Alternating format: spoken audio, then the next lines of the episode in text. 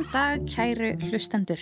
Lestin rennir úr hlaði og um borð er gamall lestarstjóri, snúin aftur eins og heilbriðistarsmaður á eftirlaunum til að fylla í skarð núverandi stjórnenda sem hafa öðrum nöppum að neppa þennan ágæta 5. dag, 2. mars 2023.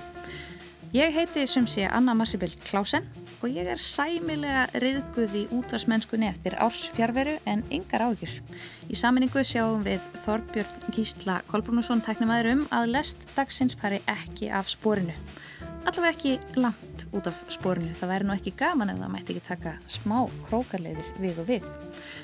Músík tilraunir, maður sem kallast Daddy en við hefjum þáttagsins á tómri vittlisu, nefnilega litla puttunum á mér. Sjáðu til hlustendur góðir. Hann er skakkur. Begður, bógin eða öllu heldur þá er á honum lítil dælt. Á mið kjúkunni á hægri fingri nánast til tekið. Hafið annars velt fyrir ykkur hvað kjúka er skrítið orð? Kjúka. Kjú, kjúka en, nei, lát eigi afvega leiðast. Við vorum að tala um dæltina og ég er 99% vissum að þessi dælt sé ný. Sjáðu til. Hún hefur myndast einmitt þar sem snjall símin minn kvílir þegar ég held á hannum, eins og rassafari rúndínu. Ég leitaði á náðir Google og fekk svar. Smartphone Pinky Syndrome. Fyrirbærið er umdilt eða svona eins umdilt og frekar óalvarleg dælt í litla putta getur verið en það sem deilt er um er hvort hún sé raunfurleg eða ekki eða kannski öllu heldur hvort hún er varanleg eða ekki og hvort hún sé líkleg til að leiða til handtengdra vandamála. Svarið, ef marka má yfirborðskenda Google leit mína er Nei, nei, nei. En þessi litla kjúku dælt fekk mig til að sjá fyrir mér framtíð þar sem afkomendur mínir fæðast allir með lítinn snjallsíma vænan krók fyrir litlafingur. Ef umhverfi samtímans hefur svo tilfinnanleg áhrif á líkama minn, gætu þau áhrif ekki erfst. Ég ákvaða að fá sérfræðing í hús.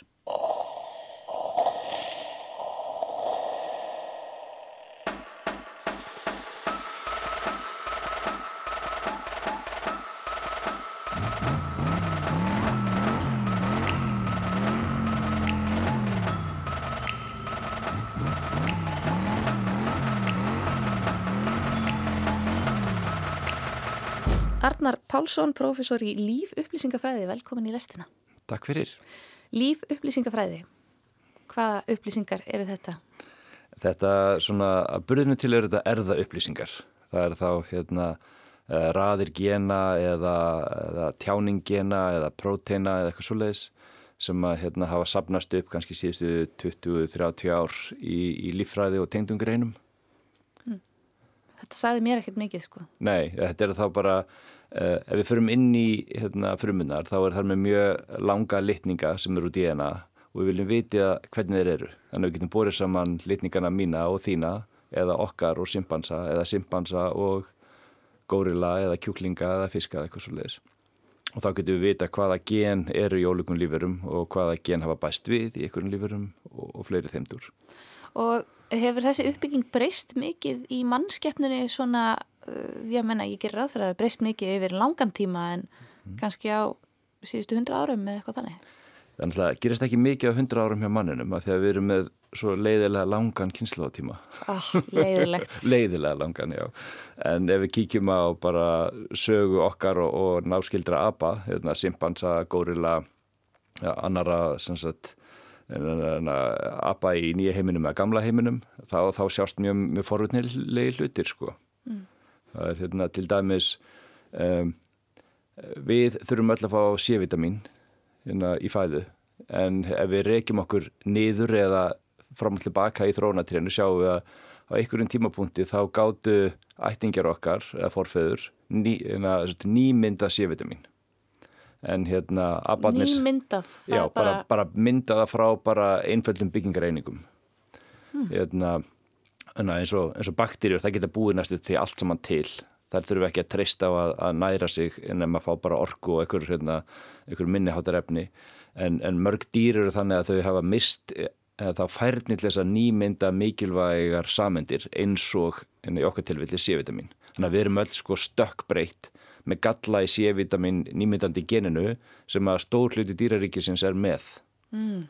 Og hérna ástæðin er hreinlega svo að hérna forföður okkar, þeir lögðust í skóana og voru að geta mikið af ávöxtum og, og, og hana, grængróðri þar sem að C-vitaminni fjækst stanslaust í miklum styrk úr fæðunni og þegar, þegar það ástand er til staðar þá, þá er ekki nöðsynlegt fyrir viðkomandi einstaklinga eða kannski stopna á endinu tegundir að vera með gen sem að búa til þetta efni á því að það er í yfirmettun í, í næringunni þeirra. Þannig að vegna þess að forföður okkar áttur svo mikið ávustum þá, þá verður við að borða mikið ávustum að við erum búin að missa hæfilegan þess að nýmynda sévitaminnið. Þannig að við hefðum aldrei átt að leggjast í skóana því að það bara eiðilaði fyrir okkur þess að sévitaminmyndin. Akkurat, en þá verður við að horfa til ættingjana hinn og sjá hvaða lífstíl þeir hafa hefðu kosið það frekar Já, þá væri við kannski líka bara í trjánum en þá Já, já, já trjánum eða eitthvað staðar í inna dimmum hluta skóarins að næturlægi að fél okkur fyrir risaðalunum mm -hmm. En það er mikið talað um sko núna hvernig tæknin og hvernig nútíma lífstíl hefur áhrif á okkur og hvernig það mun hafa áhrif á okkur til framtíðar. Mm og nú getum við hort þarna alla leðina tilbaka og séð hvernig okkar lífstíl þarna í skóunum hafði áhrif á okkur í dag. Getum við hort uh, nota þá reynslu til að horfa til framtíðar og, og séð hvað við eigum svona í vændum eða já, ekki við heldur. eh, mannkynnið, já, já mannkynnið barnabörn í einhverju veldi. Já, já, einmitt það er svona uh, það sem við hefum hort á eru mjög dramatíska breytingar á síðustu 100-200 árum eh, frá innbyltingu og hérna náttúrulega grænu byltingun í landbúnaði og mjög þettri borgarmyndun og, og, og fleiri slíku. Þannig að við sjáum mjög mikla breytingar á umhverju mannsins. Uh, önnur stærsta byltingin var sko landbúnaðabyltingin þegar forföður okkar fór að nýta sér hérna kortmeti og hérna kannski fara úr hyrðingalífstíl yfir í meiri hérna já, vera með stöðu að búsetu, rækta, rækt yrkja jörðina og eitthvað slíkt og samfara því náttúrulega byggðust upp borgir einnig, þétt bíliskjarnar, við getum sagt sem svo. Þannig að kannski frá því sagt, síðustu 20.000 ár eða 10.000 ár, það hefur bara mjög margt breyst í umhverfu okkar og eða því hvernig við mótum okkar eigi umhverfi og veljum okkur eh, innan gæsalappa vist til þess að lifa í. Mm -hmm. þannig að það hefur mjög dramatíska breytingar orðið á, á þeim tíma um, uh, og það hefur móta semst erðarsamsetningu mannkins á, á mörgu leiti menn það eru fullt af dæmi með við, við leiðum okkar að fara aftur ofin í genin. Menn að við vitum að hérna uh, samfara því að yrkja jörð og borða kortmeti eða eitthvað sem er með mikið að sterkju þá hefur sagt, uh, einstaklingar sem eru fleiri eintöku ákveðinu gynni sem heitir amilasa þeir verðast hafa verið hævari þannig að það er sérst sambanda millir fjölda eintaka af þessu geni og hvaða lífstíl hérna, innan gæsalapa frumbyggjar eða hópar hafa, hafa lifað. Við byrjum saman svona yfir, hérna, yfir Asjú til dæmis og annað dæmi sem er nærtækt er það að hérna, forföður okkar í Afríku þeir voru ekki mikið að tóta spena korki, kindani, kúa eða eitthvað svo leiðis eða nýta sér mjölkurmat mm. en það var síðan til hérna, hæfileika til þess að nýta mjölkurmat og svona samlífi okkar og hérna, hústýrana hérna, og það leiti til þess að hérna, uh, ákveðin stöppbreytingar, reyndar nokkra stöppbreytingar í tilteknu geni sem er skráð fyrir laktasa sem að brítur niður mjölkusíkur, urðu algengari mm -hmm. meðal þeirra sem eru hérna, uh, mjölkur drekkandi eða mjölkur afurða neytandi hópar.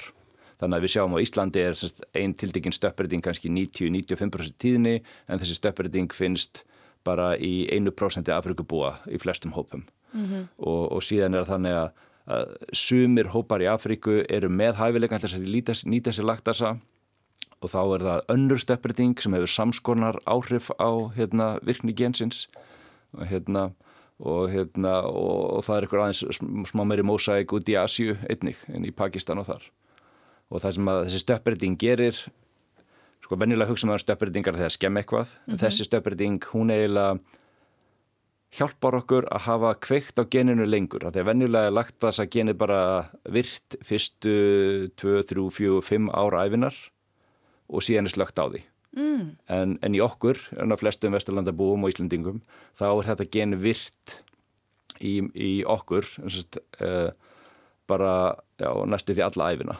Mm -hmm. Þannig að hérna, það gefur okkur þá einstakka hæfileika vegna þess að fórföður okkar voru að nýta svona miklu mjölkur afurðir þá getur við hérna, nýta á þess að fá hérna, óþólsenginin, flest okkar mm -hmm. nema að vera síðan svo óheppin að vera arfreinum hérna, upprunalegu gerðina mm -hmm. þannig að það er eitthvað sem við höfum séð hérna, það hefur gerst á 5.000 árum eða 3.000 árum eftir hvaða hóp við höfum að líta á mm -hmm. En getum við ekki líka hort nær okkur því mm. að uh, við erum til dæmis að hækka. Mm. Bara tilturlega hratt eða mannkynni er að hækka. Og það getur maður einhvern veginn séð eftir því hvar fólk uh, hvar forfeyður fólks hafa alið mannin og hversu vel þeir hafa þá getað alið mannin bara þetta bara byggist á einhverju fæðu og svo tveimur kynsluðum setna að þá er áttu, áttu són sem er 1.90 eða barnabatt sem er 1.90 Já, já, mitt að svona náttúrulega vandamálið er alltaf við horfum, við horfum kannski að horfum á okkur eiginleikar sem hafa breyst og síðan þurfum við átt okkur að því hva, hvað þættir hafa áhrif mm -hmm. og það er svona erðafræðingar hafa tilhengilega til að horfa til genana en umhverju skipta líka miklu máli eins og þú sagðir næring mm -hmm. en að næringar umhverju okkar hefur gjörbreyst, það er náttúrulega miklu minni vannæring, það er miklu betra helbriðiskerfi, það er miklu við hefum miklu betri varnir síklum og hérna og, og þannig að það er margt sem að, sem sagt, e, sem að verndar okkur og tryggir það að börnin okkar fá, fái betri hérna, fæðu og, og geti hérna, vaksið og dafnað mm -hmm. og nefnilega þá eiginlega bara að verja sig fyrir vannaringu eða fyrir svelti virðist hafa hjálpað mjög mikið einmitt við það að hérna, lífslíkunar og mm. síðan þá fylgir eiginlega hæðin í, í kjálfarið. No. Ég las á, ég held að hafi verið á vef Smithsonian Substance í gerð sem ég las að það geti tekið, eða það taki uh, fimm kynnslóðir að vinda ofan af þeim áhrifum sem langvarandi sultur hefur mm. á og vannaring hefur á forföður. Já, meina, það, er, það er svona ný og spennandi vísindi sko, það er svona leiðinlegar aukaverkanir hungursneiða á síðustu kannski 200 árum hafa byrst á ákveðinu svæðum eins og hérna, hérna, nazistadnir, þeir fóru mjög ítla með hérna, íbúa í Hollandi veturum 44 hérna, hérna, þeir, þeir sveltu eiginlega bara stóran hluta þjóðarinnar og það hafði bara mjög afdreifrik áhrif á, á, á þann hóp og þá sem að lifðu. Það byrtust áhrif í afkomendum og, og afkomendum þeirra mm -hmm og það er líka mjög frækt dæmi úr, úr hérna, manni hvort þessi svíþjóðaða Norregur, sambarilegt þar sem að hungursneið á, á 19. öld hérna, hafði mjög áhrif, en sterk áhrif á, á nokkara kynsluður þar á eftir mm -hmm. og, hérna, og, og þá er þetta er eins og að séu þá umhverfis áhrif sem er að hafa áhrif á lífælisfræði mæðra og afkomenda þeirra og, og börnin sem, sem að hérna fæðast sveltum maðurum þau hafa aðra físiológi eða lífeylisfræði mhm. heldur en þeir sem eru, eru betur nærðir. Þannig að það er svona eh, í einfalda bókaldin þá tölum um áhrif erðana sem eitt þátt og, og umhverfisins sem annan en síðan getur þetta svona samtvinnast í svona þessum samspil umhverfis og erða og það getur eins og þú segir spannað kynnslóðunar og svona hríslast nýðurættartrið. Mm -hmm. Nú erum við kannski að tala um líka svolítið stóra hluti næring er auðvitað mikil svona undistæða því hvernig mm. líkamenn byggist upp já, já. en svo ástæðan fyrir því að ég hafði samband við þig var að mm. ég náttúrulega fór að skoða hérna á mér fingurinn mm. sem ég fannst fyrir nokkur reyndar farin að breytast mm. og komst að því að mér finnst vera dælt í litla fingurinnum á mér eftir síman minn mm. af því að þegar ég held á símanum uh, hann er svona alltaf stór fyrir hendina mér raunni og ég mm. held hérna utanum með, með svona, já, setja í lofan þumallinu utanum, vef þremi fingurum og svo kemur litli fingur mm. undir mm. og stiður við og nú finnst mér eins og það hefur myndast þarna og mér, bara, mér finnst það ekkert, ég sé það dælt undir síman svo reynda að googla þetta og netið er ekkert sammála um það hvort að þessi dælt sér umverulega fyrirbærið ekki. Þú, en þú, ég sé hana. Já, þú heldur náttúrulega mjög undarlega á símanuðinum en... Sko ef, ef að það eru fleiri sem að gera þetta svo veraldavefnum þá bara, þá hlýtur þetta að vera vera ásattarlegt hald en já, jú, kannski, kannski er ég bara svona skrítin nei, nei. en þá fór ég að velta fyrir mér það er náttúrulega þegar ég var barn þá var mér sagt að ég mætti ekki sitja á nálat sjónvarpinu og horfa mm. lengi á það því að augun eru ferkunduð og, mm. og það var nú ekki satt sko og svo horfi ég á hann um putta og ég hugsa, hm, ætli þetta getur þetta erfst áfram og getur það hvað við erum, erum hókin, þú veist, en síðan er þetta kannski ekki eins og raunverulegt, kannski er þetta bara jafn raunverulegt og auðvunni með verið ferkunduð en, en, en það hvernig við beitum okkur, líkamsbeitingin sem að eh, hefur núna, já, kannski verið raunverulegi nokkra kynnslóðir, sko, ekki nokkra kynnslóðir, fáar kynnslóðir, þar sem að við sitjum mikið uh, við vinnu yfir daginn og meira við tölfur en áður sem að líka þýðir eitthvað um okkar líkansbeitingu uh, og hvað þá núna þegar við erum alltaf að horfa niður í, í síman okkar þetta eru nýlegar breytingar mm, í svona stort á litið já, já. Uh, er þetta eitthvað sem að getur átt áhrif til frambúðar hvernig við beitum okkur?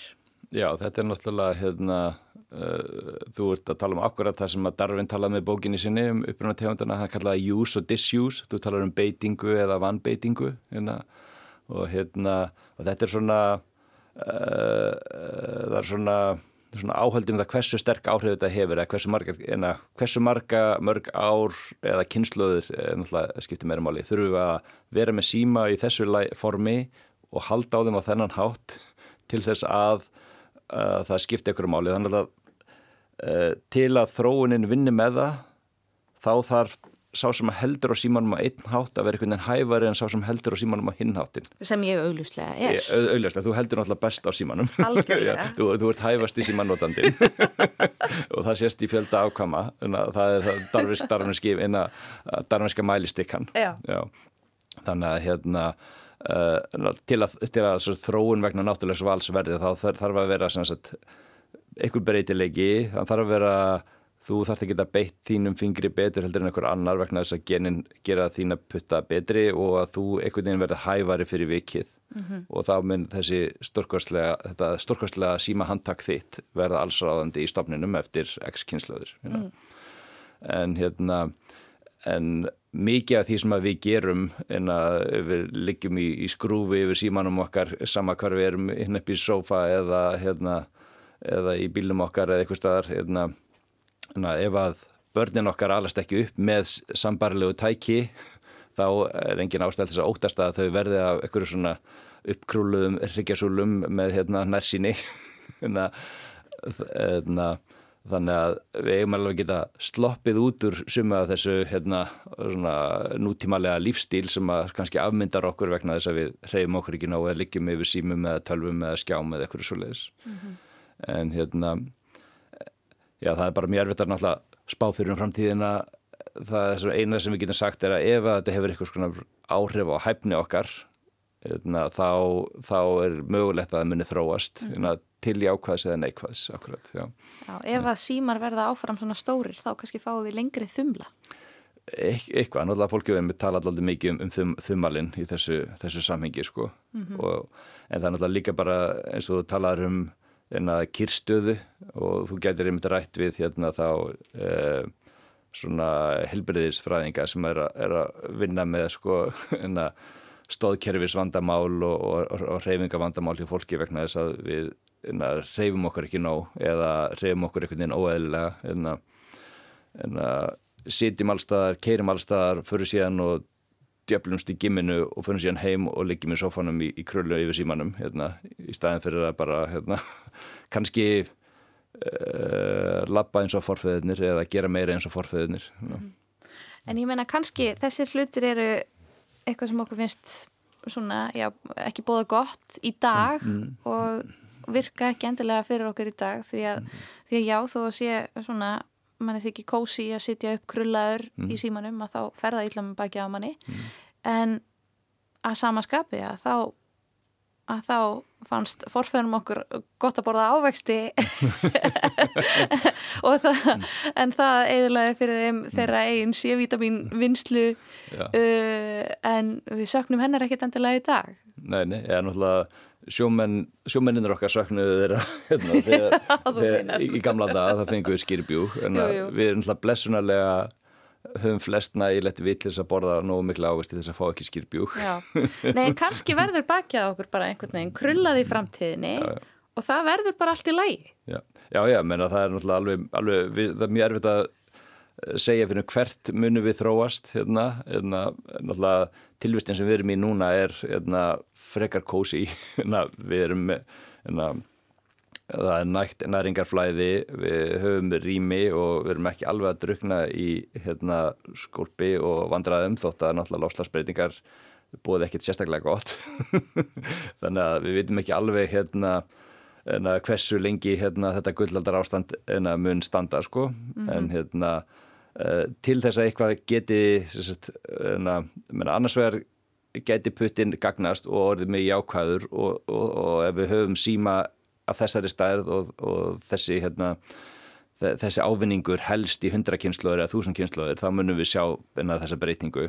En hérna eh, eins og við fyrir reykjum okkar aftur að sévitamindaminu, við vitum ekki alveg hvort að það tók sko 100 kynnslóður að tapa þessum hafileika eða 1000 kynnslóður eða 10.000 kynnslóður en að það sko að eitthvað detti út vegna þess við þurfum ekki á því að halda. En að það er hérna það er í bara það er erfiðar að greina það þannig að þetta er mjög djúft aftur í, í sögu okkar og forfæðrana mm -hmm. þannig að við vitum ekki alveg hérna, hver er það allir en, hérna, en, en menninir munu alltaf lagast af umhverfunu sín sama hvað það er hérna, hérna, nútíma umhverfið er eins og það er og hérna við vitum ekki alveg hvernig umhverfið barna eða barna barna okkar verður hérna, eftir 50 eða 100 ár hérna, en það er mjög spennand að sjá. Algjörlega Arnar Pálsson, professor í líf upplýsingafræði kæra þakki fyrir komuna mm, Takk fyrir gæli That girl is a tomboy, that girl is a tomboy, that girl is a tomboy. Who that is, ho? That girl is a tomboy, that girl is a tomboy, that girl is a tomboy. Who that is, ho? That girl is a tomboy, that girl is a tomboy, that girl is a tomboy. Who that is, ho?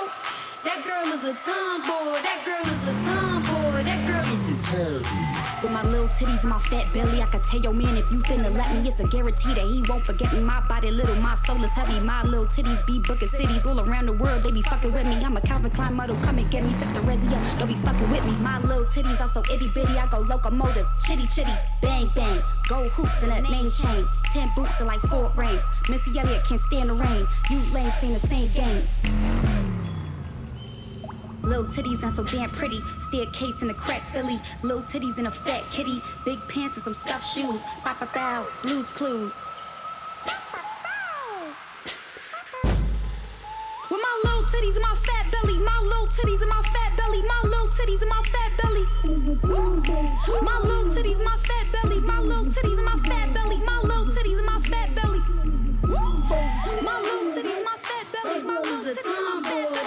That girl is a tomboy is a tomboy. Who that is, ho? That girl is a tomboy. That girl is a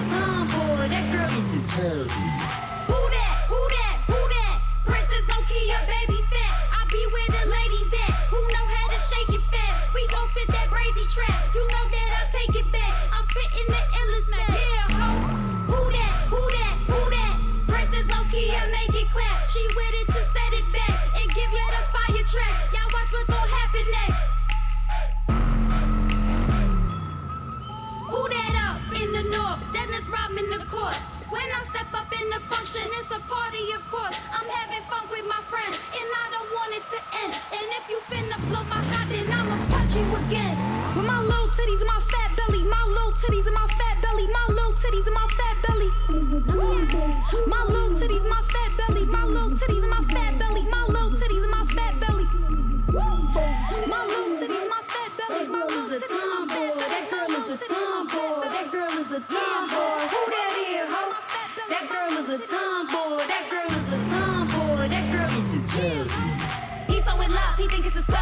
to magic and he cannot tell. He fuck with my bro, how my pussy is spelled. My thought was special, got locked like a jail. It's Polo, it's Tommy, it's Mecca, it's Naughty. I'm finna sit back and just sip on Bacardi. You come to my party, you go be my army. A room full of girls and we acting a Robbie.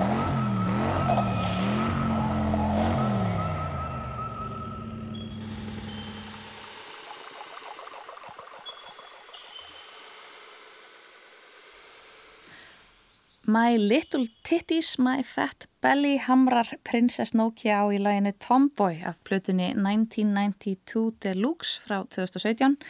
Þessu lægi skoit aftur upp á ratarinn nýlega þegar leikarin Petro Pascal fór yfir hljóðrás æfisinnar hjá vefsíðunni NME, New Musical Express og nefndi hann Tomboy sem lag sem hann er alltaf með á heilanum.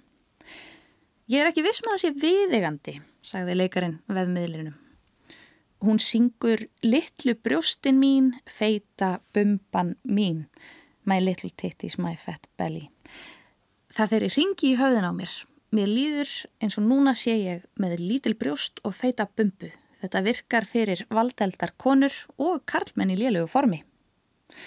Þetta sagði Pascal og það eru ótrúlegt en satt svona yfirlýsingar sem stuðla að því að Petro Pascal sem leikur um þessar myndir í sjónvastáttunum Last of Us og The Mandalorian er í augnablikinu kynþokka fylsti maður heims í augum internetsins hvers kynæstu notendur hafa kryptan Daddy. I'm the daddiest daddy.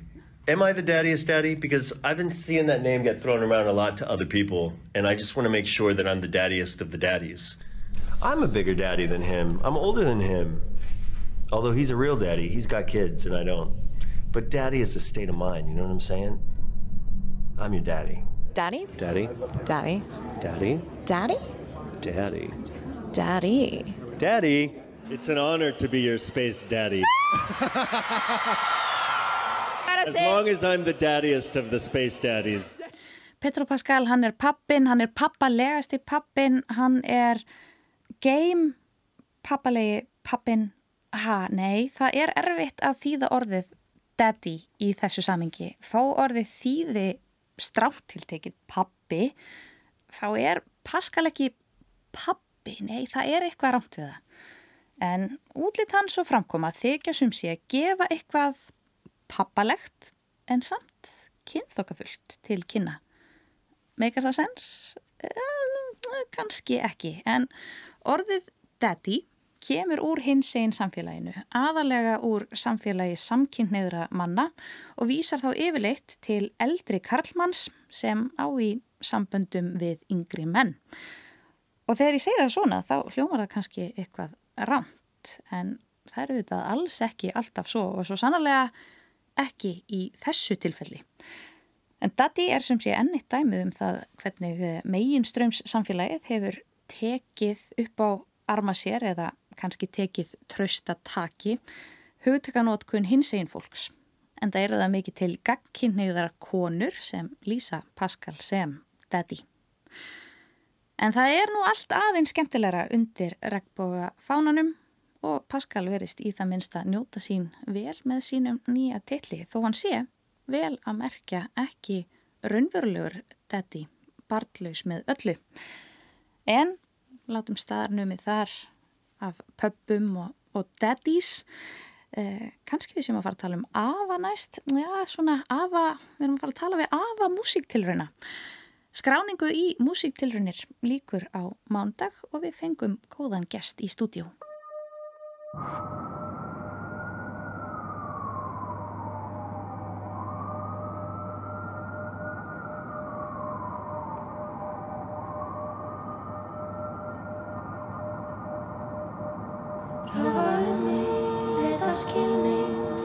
Fljóð stafinn, var að fljóta, taka loft. Árni Mattíasson, bladamaður til fjölda ára á morgumblæðinu og nú sérfræðingur hér á Rúf. Já og eilíðar úlingur á músiktilraunum. En nú ekki kannski full langt að segja unglingur. Orðið er svona gamall og grár. Ha, Hvernig á ég að titla þig? ég er allan búin að vera gamli kallinn mjög mörg ára þarna. Gamli kallin í uh, músiktilraunum. Einmitt. Hvert er þitt hlutverk svona nákvæmlega? E, sko, þegar ég byrjaði að skrifa um músík í mokkan og þá var það vegna áhuga míns á íslenski tónlist og það var fjalla meir um íslenska tónlist. og ég var einu sinni í, á, í strætó og leið í vinnuna, þetta var þeim árum áður en ég fekk bílpróf, var leið í vinnuna semst í strætó og fór fram hjá músiktilunum á leiðnir í miðbæi og þá var þarna músiktilunir og ég kveikti bara á því meðan það ógeðslega spennandi og fór og talaði við það þar og, og vildi segja frá þessu í mokkanum og sem að þau voru náttúrulega meirinn til í sko sem stóð að þessu. Og hérna og ég byrti þarna sem sagði frá allir hljómsveitum um hvað allir hétt og svo framvegis og gerði svolítið mikið úr þessu því. Mér finnst það svo spennandi framtak og þá spurði þau hvort ég var ekki til að vera í domnemt músítrunna og sem sagt að það var þá þannig að það var kosið sko, þetta var meira og minna vinsalda kostning en hérna þau vildu fá domnendinni sem hefði þá eitthvað vægi á móti kostningunni og við vorum þarna, við vorum tveir í domnend, ég og, og Bjarni hérna hljóðmaður. Og þar síðan hef ég bara verið eiginlega í domnefnd sko, stundu var maður bara einn í domnefnd vegna þess að það fjækst engi með en, en undanferðin ár hefur þetta verið mjög vel skipulagt og það er sjömanna domnefnd og, og, og svo framvegis og, og þannig að þetta er allt orðið miklu fagleira. Mm -hmm. Þú sagði það hérna áður en ég byrjaði að taka upp að þú hefur tekið þátt í músiktilurinnum með þessum hætti 35 sinnum. Já, þetta verður þá 3070 tilhöruna sem ég tek þátt í. Akkurat. Sem ég verð, verði stattur og verði domnemt. Já, þannig að þú hefur oftar farið á músiktilrunir en ég hef átt afmælistaga og ég nefni þetta af því að nýlega þá hef ég upplegað það að mér finnist svolítið erfitt að fylgjast með nýri tónlist og ég þurfi jáfnvel bara að hafa mig svolítið við til þess að skilja hana. En þú hefur ekki upplegað þetta vandamál?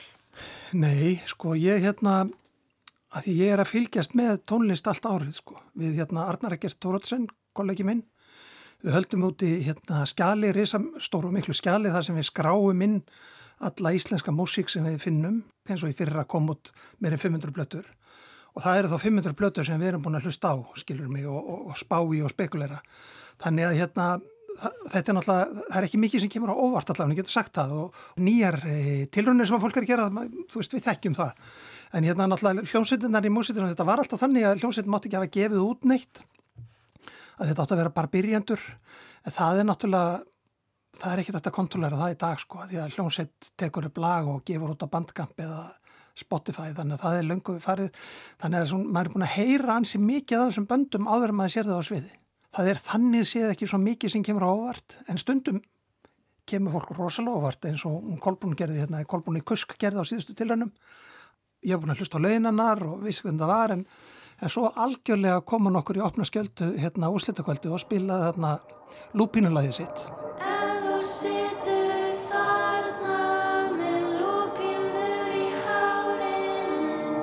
Sem ég finnst þú eigir að spila, þú verður að spila. Ok, tekið til greina. Já, já. Sólinn sast í fjörðin og ljósið eðið sárinu Og, og það, maður satt bara gapandi sko. Annað svona dæmi sem er mjög eftirminnlegt er til dæmis þegar hún ásta hérna kefti, komst þarna í úrslitin, að það var líka eitthvað sem hún, hún berskjaldaði sig svo á, í, á undankvöldinu að hérna maður bara satt sem lamaður þegar hún var búin að syngja sko. Það var bara, maður var bara í, ekki áfalli, maður var bara í einhver svona tilfinninglu uppnámi. Skjöraðu á mig gatt Á þig býtur ekki neitt Þú kannt ekki lengur að gráta Maður lifir eiginlega svolítið fyrir svolega sögnablík. Þess vegna nennir maður að vera í þessu. Af því að það er alltaf eitthvað nýtt. það er alltaf eitthvað sem kemur, eins og ég segi, ég segi það kemur ekkert óvart, en svo er fullt sem kemur óvart og ég hef oft sagt það, sko, það er alltaf gaman að fara tónleika þó að hljónsýtti sé kannski leðileg. Tónleikan er alltaf upplöfun sem er einhvers virði og gefur manni mikið og svo oft er það þannig að, að, að hljónsveit verður kannski betri en hún ætti að geta verið, að hún einhvern veginn, menn ná einhvern veginn bara það sem hún getur og gerir miklu meira og gerir miklu flottara og, og snertir mann miklu meira. Þannig að það er líka það sem heldur mann ganga til. Annað sem að kemur kannski á óvart þegar kemur að músíktilurinnum, það er hversu margir merkir tónlistamenn í sögu þjóðarinnar hafa tekið þátt og ekki unnið. Já, það, það, já, já. Við getum alveg talið upp nokkra, hann uh, Matti, hérna dagsastjóri Rása 2 var að telja upp fyrir mig hérna fram á gangi Sigur Rós hefur tekið þátt. Jónsi, Jónsi var í hljónsveit sem heit Beespæters sem að tók þátt í músitilunum, var reyndar fjekk reynda viðkenningu sem svona efnilegasta hljónstinn. Aðteglisverðast á hljómsveitin í músiktilunum 95 heitir. Það eitt sem að gleymist oft er það að hann kjartan í Sigurós, Hljómsveitin Bee Spiders! hann dansaði þarna með hljónsveitinni í svona rosalega flottum svartum svona Chanel dress. svona, og ég, ég, ég, ég á myndir- Dansaði? Já, hann dansaði með, sko, ég get sannað það. Já. Það var mjög flott, sko. Hvernig dans erum við að tala um? Er þetta eitthvað svona artistik, eh, listrætt Já, þetta tjáningardans? já, þetta var eiginlega list, Salsa? tjáningadans sem var svona í, í taktu músíkina, þetta var svona heldur rockara en Sigurós, Beespæters.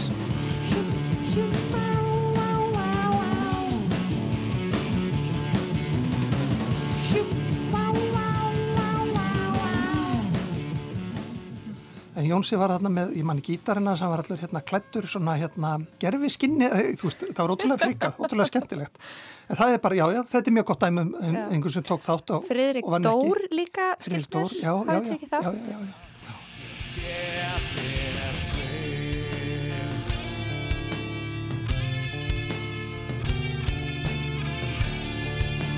Sko það er íminslega sem hefur gert náttúrulega með úsitilinu í gegnum ári.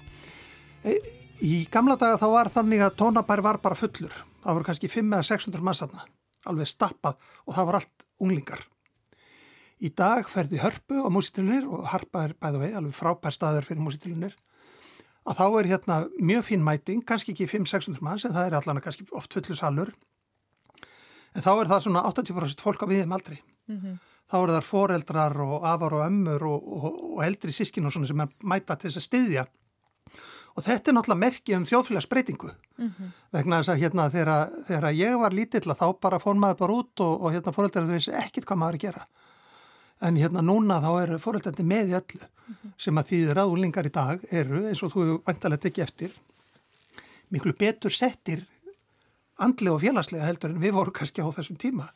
Þannig að það er sem, sem, sem sýnir að auðvitað heimurinn fyrir batnandi. Þetta er eitthvað sem gerir. Annars sem gerist er það sko eftir að við fórum að auka fagmennskunni þessu og hafa svona domnefnd og hún var með, fyrst var vægið minni með 50-50 sem sagt til helminga, síðan var það 70-30 þannig að domnefndin hafði meira vægi en núna síðustu ár hefur það verið þannig að domnefnd velur sigurljónsett. Þannig að þetta er ekki vinsaldakostning og þegar það hættir að vera vinsaldakostning þá verða færri vinsalhljónsetti sem vinna eðlum sem samkvæmt. Og ég getur tekið dæmi að Kaleo sem er alveg greiðlega vinsalhljónsett hún komst ekki einu sinni í úrslit. And where down we go, go, go, go, go. og hún hljómaði alveg eins á músíktilunum hún hljómar í dag, hún er ekkit miklu betri í dag. Hún var bara alveg fullkomlega tilbúin hljónsett til þess að verða heimsfræg en hún komst ekki einu sinni í úrslit. Einmitt. Og bara í gær held ég að ég hafi verið að horfa á einhvern sjónvarsþátt eða klipp úr einhverjum sjónvarstætti þar sem að Way Down We Go hljómaði undir. Einmitt. Bara einhverju sem maður myndi aldrei búast við. voru- Heimsfrægir Já, já. en, En samt- náði ekki úslit samt ekki nógu góðir. Akkurat. Go. Þetta sýnir sko að það er, að því það er verið að verðluna frumleika, það er verið að verðluna, það er verið að verðluna sl- þannig hluti sko og Kalleo með fullir virðingu fyrir Kalleo sem er bara frábært band, að þá er það ekkert eitt rosalega frumlega hljónsveit sko, en það held ég að þeir hafa ekkert stemt að því heldur. Nei, það, þeir seljast nú vel til að Já, geta já, bara já. gefið því En svo er eins og til dæmis á Monsters and Men sem að komu og bara sigruðu öruglega í músitilunum, bara frá því að þau, maður sá þau fyrst spila þá veist maður okkur, þau eru að fara að taka þetta sko. Það var líka band sem að var með svona heilstifta mynd, heilstifta hugsun og hérna, og þau voru bara fellega góð líka sko, þau voru frumlega og góð og skemmtilega á þeim tíma sko.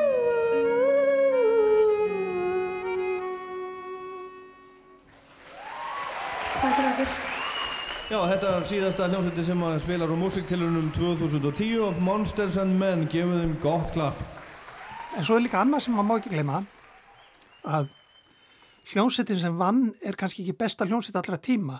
Hún er besta hljómsettin af þeim sem voru að keppa. Það má ekki gleyma því líka sko. Þannig að, það, það, þannig að þú hlustar á einhverju hljómsett sem vann einhvern tíðan fyrir 10-15 árum og hugsa, hvað, býta okkur gáttu þeir unni, er ekki sérstætt band. En það, er bara, það var bara besta hljómsettin á þeim tíma í þessari keppni. Einmitt. Ég veldi fyrir mér núna þegar þú segir þetta með foreldrana og þennan stöðning sem er komin inn sem er auðvitað frábær og þýðir bara mjög góða hluti fyrir fyrir listina, fyrir samfélagið á sama tíma þá veldi ég fyrir mig hvort það sé ekki svolítið synd sko og hvort það grafi þá ekki undan svona smá grasrótar pöngi og þá mæna ég ekki pöngi eins og í tónlistastefnan heldur bara svona, svona smá óþekkum listamönnum sem að gætu verið að spretta fram annars ef að fóldraðir að vissu bara ekkert hvað þeir væru á daginn En er, það, kvöldin. en er það þá ekki bara listamennin sem að segja fóröldunum ekki hvað það er að fara að gera? Já, en taka þeir þátt, taka óþekku listamennir þátt í músiktilunum. Já, það kom alls konar hljómsætti sko. Já, sko, það, nú er, nú er svolítið erfitt að segja sko, vegna þess að hérna, e, það má vel, sko, þú veist, það kemur kannski einhver hljómsætti sem er að spila mjög svona grimman black metal. Hvað veit ég nema að fóreldarnir bara elskiðu og stiði af öllu hjarta? ég, ég get ekki sagt neitt um það sko. Þannig að þetta er, það, það má segja að það sé ákveðin gerð af tónlist sem við sjáum ekki þarna. Það er að segja að er margar gerðir af tónlist sem við sjáum ekki þarna kannski. En við sjáum til dæmis svona nýklassiska ströyma þegar það komið þarna inn og, og við sjáum svona svolítið af hip-hopi og svolítið af ráttónlist en í raun og veru minna af ráttónlist heldur ég hefði við, búist við sko og líka annað þessi svo kallaða spunatónlist sem er núna svo vinsæl. Eða vinsæl segi ég ekki að því hún er ekkit vinsæl. En svona margir er að spila. Að hérna hún hefur ekki byrst svo mikið í músitilunum þó að ég viti það að það er rosalega margir á því síði núna að gera svona spila tilhörnamúsík og, og gera alls konar mjög frumlegar og skemmtilega tilhörnir sko. Einmitt. En það er kannski vegna þess að þú ert ekki að fara að koma og spila 40 minna tilhörnarsett í músitilunum þar sem þú hefur, þú mátt spila tvö lög sko. Nei, það er kannski ekki droslega spennandi fyrir uh, aðra þáttakundur Já, ég- eða áhörfundur. Já, ég man eftir þeim tíma þegar döðarokki var allsráðandi í hérna músitilunum að þá mætti maður hérna klukkan átta og svo var maður til klukkan eitt að hlusta og það voru hérna tíu döðararkljómsettir og, og þær voru, þú veist, með þrjú lög og, og hvert lag var tíu mínútur, skilja, þetta var svona dæmi. Þannig að það var oft svona, svolítið töff svona þegar það farið að líða á kvöldið. En, en svo kom eitthvað æðislegt og sem að bara, já, frábært, djúðlir í fegina ég fór. akkurat. En tilefni þessa viðtals núna er það að uh, bráðum þá uh, lokar fyrir umsóknir í músiktilunir. Ég held að ég segi rétt þegar ég segi þessi sjötta uh, mars. Maður veldur auðvitað fyrir sér sko hverjir sækja um til þess að vinna en það kannski þarf ekki bara að sækja um til þess að sigra. Nei, sko, það sem er hérna, sko, sumar hljómsettir sem hafa sigrað að verið stopnað viku fyrir tilhörnar, eitthvað svo leiðis. Einmitt. En eitt sem ég hef tekið eftir að, að hérna, músitilunir, sko, það náttúrulega var smá niðursefla át á COVID, sko, og sem að kom mjög mikið niður á, á þessu starfi öllu. En sko, þetta er eiginlega svolítið svona fókus, það er tvent eiginlega, það er músitilunir fyrir yngurböndin og svo er það airwaves fyrir þess aðeins eldri. Og það er svona, við stefnum á þetta og við byrjum að æfa núna í, hljómsveitinu stopnu kannski snemma á skólaárunu, kannski oktober, november til þess að taka þátt í músitilunum. Og það er svo opbóstlega mikilvægt að hafa eitthvað til þess að stefna. Ok, nú ætlum við að stopna hljómsveit til þess að hanga í skúrnum fram á vor. Nei, þú ætlum að stopna hljómsveit að þú ert að fara að gera eitthvað.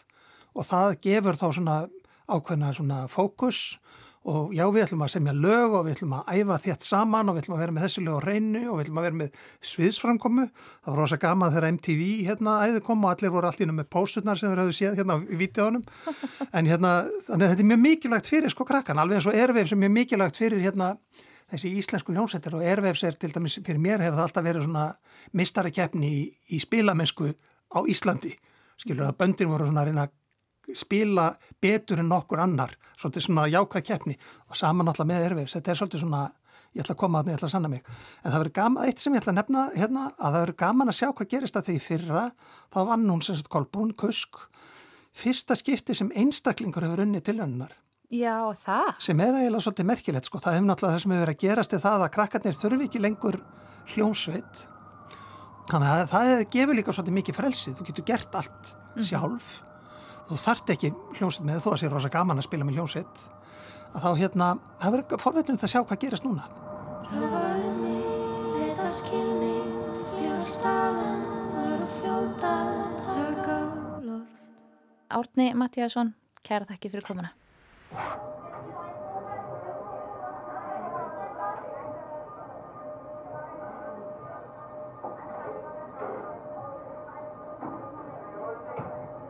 risky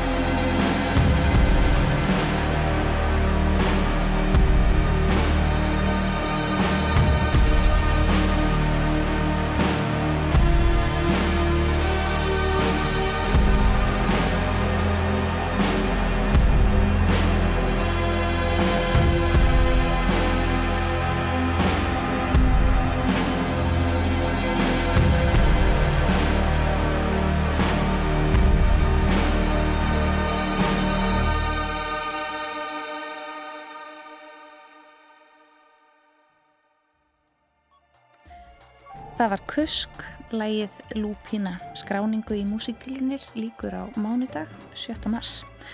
Lestin lætur staðar numið í dag og raunar þessa vikuna. Ég heiti Anna Marsibil Klásen og mikið sem var gaman að vera með ykkur aftur eina stund gæru hlustendur.